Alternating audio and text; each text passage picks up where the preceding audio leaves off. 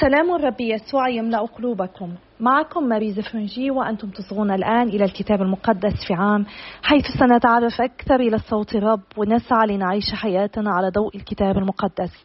نحن مستمرون في قراءتنا من سفر التكوين إلى سفر الرؤيا. نحاول أن نكتشف قصة الخلاص وأين نحن منها. لقد وصلنا إلى اليوم المئة والثاني والثلاثون. وسنقرأ تتمة القصة كيف يؤاب حاول أن يعيد أبشالوم إلى أبيه داود بعدما حدث بالأمس. لقد رأينا عواقب خطيئة داود تتجلى في حياة عائلته وتسبب شرا أعظم من انقسامات وكراهية وانتهاك لكرامة تمار. كما قرأنا بالأمس. اليوم سنقرأ الفصل الرابع عشر من صموئيل الثاني والفصل الثامن عشر من الأخبار الأول وسنصلي المزمور الرابع عشر. صموئيل الثاني الفصل الرابع عشر وعرف يؤاب بن صروية أن قلب داود الملك مهتم بأبشالوم فأرسل يؤاب إلى تقوى وأتى من هناك بامرأة حكيمة وقال لها تظاهري بالحزن والبسي لباس الحداد ولا تتطيبي بل كوني كامرأة تنوح على ميت من أيام كثيرة وادخلي على الملك وكلميه بهذا الكلام. وجعل يؤاب الكلام على لسانها. فكلمت المرأة التقوعية الملكة وارتمت بوجهها إلى الأرض وسجدت وقالت خلصني أيها الملك. فقال لها الملك ما شأنك؟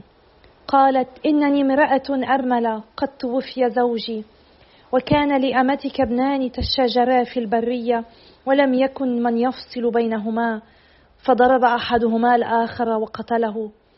وإذا بكل العشيرة قامت على أمتك وقالت سلمي إلينا الذي قتل أخاه لنقتله بنفس أخيه الذي قتله ونهلك الوارث أيضا.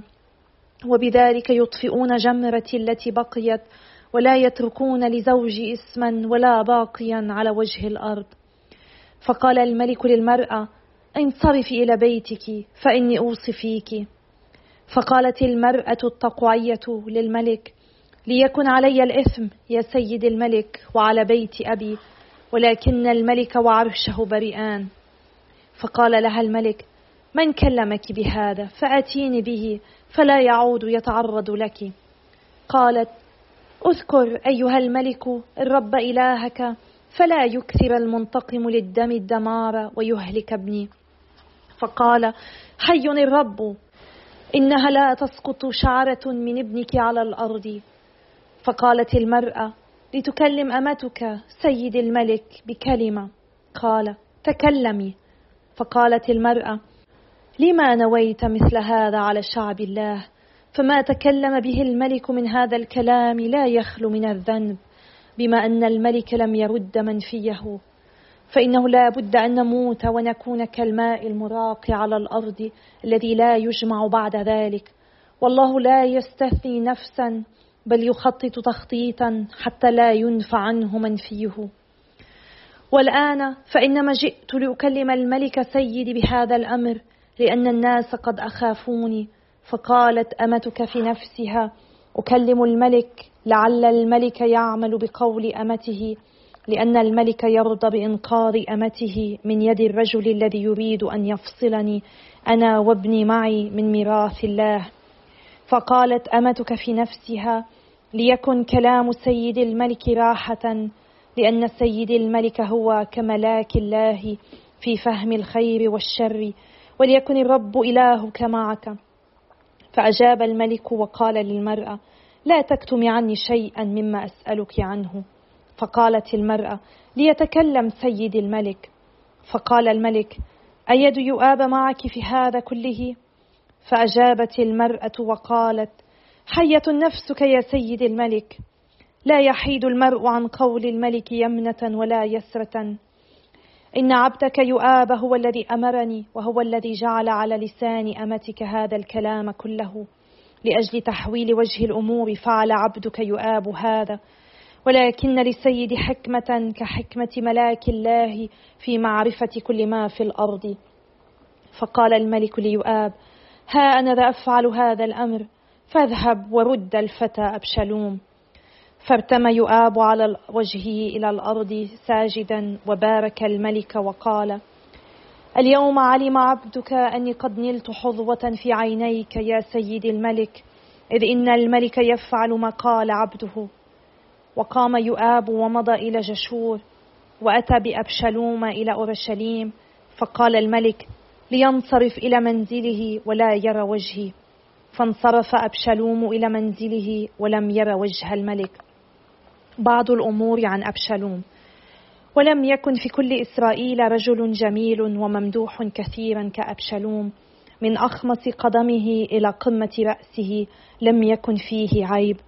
وكان عند حلق رأسه كان يحلقه في آخر سنة لأنه كان يثقل عليه فيحلقه. يكون وزن شعر رأسه مئتي مثقال بمثقال الملك. وولد لأبشلوم ثلاثة بنين وابنة واحدة اسمها تمار وكانت امرأة جميلة المنظر. أبشلوم ينال المغفرة. وأقام أبشلوم في أورشليم سنتين ولم ير وجه الملك. فاستدعى أبشلوم يؤاب ليرسله إلى الملك فلم يشأ أن يأتي إليه. فاستدعاه أيضا ثانية فلم يشأ أن يأتي. فقال أبشلوم لخدامه انظروا إن حقل يؤاب بجانب حقلي وإن له هناك شعيرا فاذهبوا وأحرقوه بالنار. فأحرق خدام أبشلوم الحقل بالنار فقام يؤاب ومضى إلى أبشلوم إلى البيت وقال له لماذا أحرق خدامك حقلي بالنار؟ فقال أبشلوم ليؤاب إني قد استدعيتك قائلا تعال إلى هنا فأرسلك إلى الملك لكي تقول له لماذا جئت من جشور؟ لقد كان خيرا لي لو بقيت هناك. والآن لأرى وجه الملك فإن كان علي إثم فليقتلني. فذهب يؤاب إلى الملك وأخبره. فدعا أبشالوم فدخل على الملك وسجد بوجهه إلى الأرض بين يدي الملك فقبل الملك أبشالوم. الأخبار الأول الفصل الثامن عشر. حروب داود وكان بعد ذلك أن داود ضرب الفلسطينيين وأذلهم وأخذ جتة وتوابعها من أيدي الفلسطينيين وضرب المؤابيين فصار المؤابيون رعايا لداود يؤدون الجزية. وضرب داود هد عازر ملك صوبة في حماة وقد كان ذاهبا ليقيم سلطته على نهر الفرات. وأخذ منه داود ألف مركبة وسبعة آلاف فارس وعشرين ألف راجل وعرقب داود خيل جميع المركبات وأبقى منها مئة مركبة. فجاء أرامي دمشق لنجدة هدد عازر ملك صوبة فقتل داود من الأراميين اثنين وعشرين ألف رجل. وأقام داود محافظين في أرام دمشق فصار الأراميون رعايا لداود يؤدون الجزية. ونصر الرب داود حيثما توجه وأخذ داود تروس الذهب التي كانت مع ضباط هدد عازر وأتى بها إلى أورشليم. وأخذ داود من طبحات وكون مدينتي هدد عازر نحاسا كثيرا جدا عمل منه سليمان بحر النحاس والأعمدة وأدوات النحاس. وسمع توع ملك حمات أن داود قد كسر كل جيش هدد عازر ملك صوبة فأرسل هدورام ابنه إلى الملك داود ليقرئه السلام ويباركه لأنه قاتل هدد عازر وكسره لأن هدد عازر كانت له حروب مع توع وفي يد هدورم آنية من الذهب والفضة والنحاس.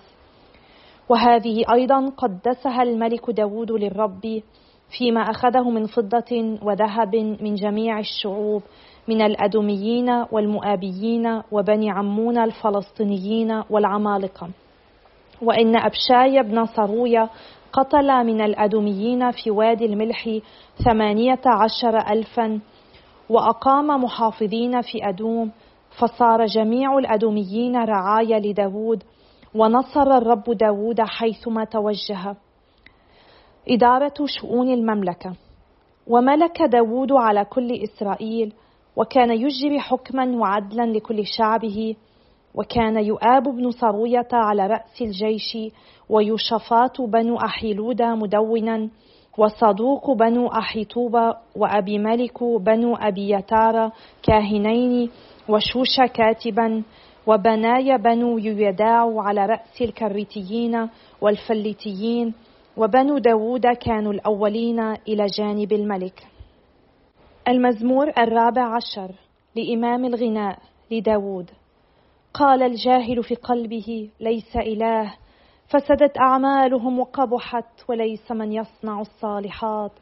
من السماء أطل الرب على بني آدم ليرى هل من عاقل يلتمس الله. لقد ارتدوا جميعا ففسدوا وليس من يصنع الصالحات ولا واحد. ألم يعلم جميع فعله الإثم الذين يأكلون شعبي كما يؤكل الخبز ولا يدعون الرب؟ هناك يرتعبون رعبا حيث لا رعب لأن الله مع جيل الأبرار. تعبون مقاصد البائس والرب معتصمه. من صهيون من يأتي إسرائيل بالخلاص. حين يرد الرب أسر شعبه يبتهج يعقوب ويفرح إسرائيل. أيها الآب السماوي إننا نسبحك ونشكرك. أنت يا رب أب صالح. أنت إله صالح. أنت تحبنا وتلاقينا حيث نحن. أنت تغفر لنا غفرانا كاملا ولكنك دائما تدعونا لنعود إليك بقلوب تائبة. أنت تقدم لنا مغفرتك ولكن تريدنا أن نعود إليك. ساعدنا يا رب ساعدنا كي نفعل ذلك. لنعود إليك بكليتنا وننتمي إليك بكليتنا. فننال رحمتك وتغيرنا رحمتك. يا رب اجعل نعمتك تغيرنا. اجعل نعمتك تحولنا إلى قديسين اجعل حبك يا رب يجددنا. باسم يسوع نصلي آمين. بسم الآب والابن والروح القدس الإله الواحد آمين. لقد قرأنا اليوم قصة المرأة التي استأجرها يؤاب قائد الجيش لتخبر داود بمثل يقنعه بعودة ابنه أشالوم ويذكرنا هذا المشهد بما حدث عندما جاء النبي نتان ليخبر داود قصة وفي النهاية أخبره أنه هو المعني بهذه القصة. وحينئذ تاب داود. قد نتساءل لماذا يريد يؤاب أن يعود أبشالوم ليكون قريبا من داود؟ إن يؤاب كان مخلص لداود وربما كان يظن أن أبشالوم يمثل تهديدا لداود إذا بقي في المنفى حيث يمكنه أن يثير ثورة. لذلك لم يريده أن يبقى في جشور وحاول إقناع داود أن يعيده إليه. وهذا ما حدث ولكن أبشالوم لم يظهر أي علامة توبة على قتل أخيه. وداود لم يظهر مغفرة حقيقية تجاه ابنه أبشالوم. هنا لا نرى غفرانا حقيقيا ولا نرى توبة حقيقية. وبدون التوبة وبدون المغفرة سيكون هناك تمرد. نشكر الله لأنه لا يتعامل معنا مثل ما يتعامل داود مع ابنه وأبشالوم مع أبيه. إن الله يدعونا إلى التوبة يدعونا للابتعاد عن خطايانا والرجوع إليه. وعندما نتوب هو يغفر لنا كليا ويعيد علاقتنا معه. نعم عندما يغفر الله لنا يعطينا غفرانا كاملا ويعطينا فرصة لنعود إليه بعد أن نتوب. ونحن بحاجة لأن نتوب باستمرار ونعود إلى الرب. هذا ليس بالأمر السهل. نحن بحاجة لنعمة الله حتى نفعل ذلك حتى نختبر جمال الله وقوة رحمته. ولذلك نحن بحاجة إلى صلوات بعضنا البعض كي نستطيع أن نفعل ذلك أن نتوب باستمرار ونعود إلى الرب. علينا أن نأتي أمام الرب دائما وأن نتخلى عن كل ما فضلناه على الرب.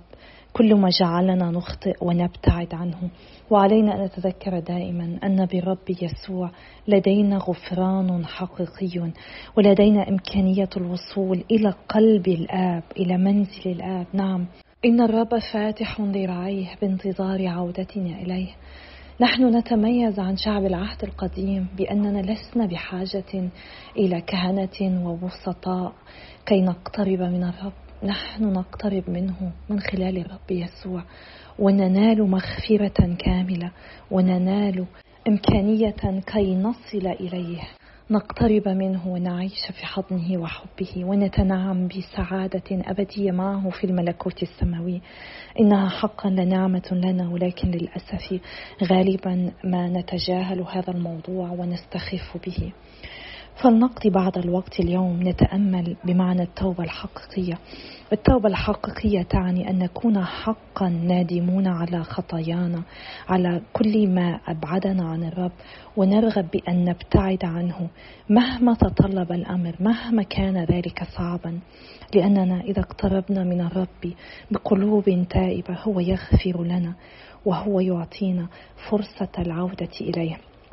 فلنصلي فعل الندامة ونعني كل كلمة نصليها فيه. ربي وإلهي أنا نادمة من كل قلبي على جميع خطاياي. لأني بالخطيئة خسرتك وخسرت نفسي وخسرت خيرات الأبدية. واستحققت العذابات الجهنمية. وبالأكثر أنا نادمة لأني أغضتك وأهنتك. أنت يا ربي وإلهي المستحق الكرامة ومحبة ولهذا السبب أبغض الخطيئة فوق كل شر وأريد بنعمتك أن أموت قبل أن أغيظك فيما بعد. ولنصلي من أجل بعضنا البعض حتى نتوب ونعود إلى الرب. إذا كنا بعيدين عن سر الاعتراف فلنذهب وننال مغفرة الرب من خلال الكاهن. إن الرب يسوع بذاته ينتظرنا بشخص الكاهن هناك. فلنذهب بقلوب تائبة بتواضع. نطلب رحمته. نطلب مغفرته ولننالها ولنسعى لنعيش في حماه حتى نقدر أن نشهد له. فلنصلي من أجل بعضنا البعض كي نقدر أن نفعل ذلك كي نستطيع أن نطلب رحمة الرب بقلوب تائبة ونعيش هذه الرحمة في كل ما نفعله. نحن بحاجة لصلاة بعضنا البعض لأننا بحاجة إلى نعمة لنفعل ذلك. ونتشكركم جميعا على تشجيعكم وصلواتكم وإلى اللقاء غدا يوم آخر إن شاء الله.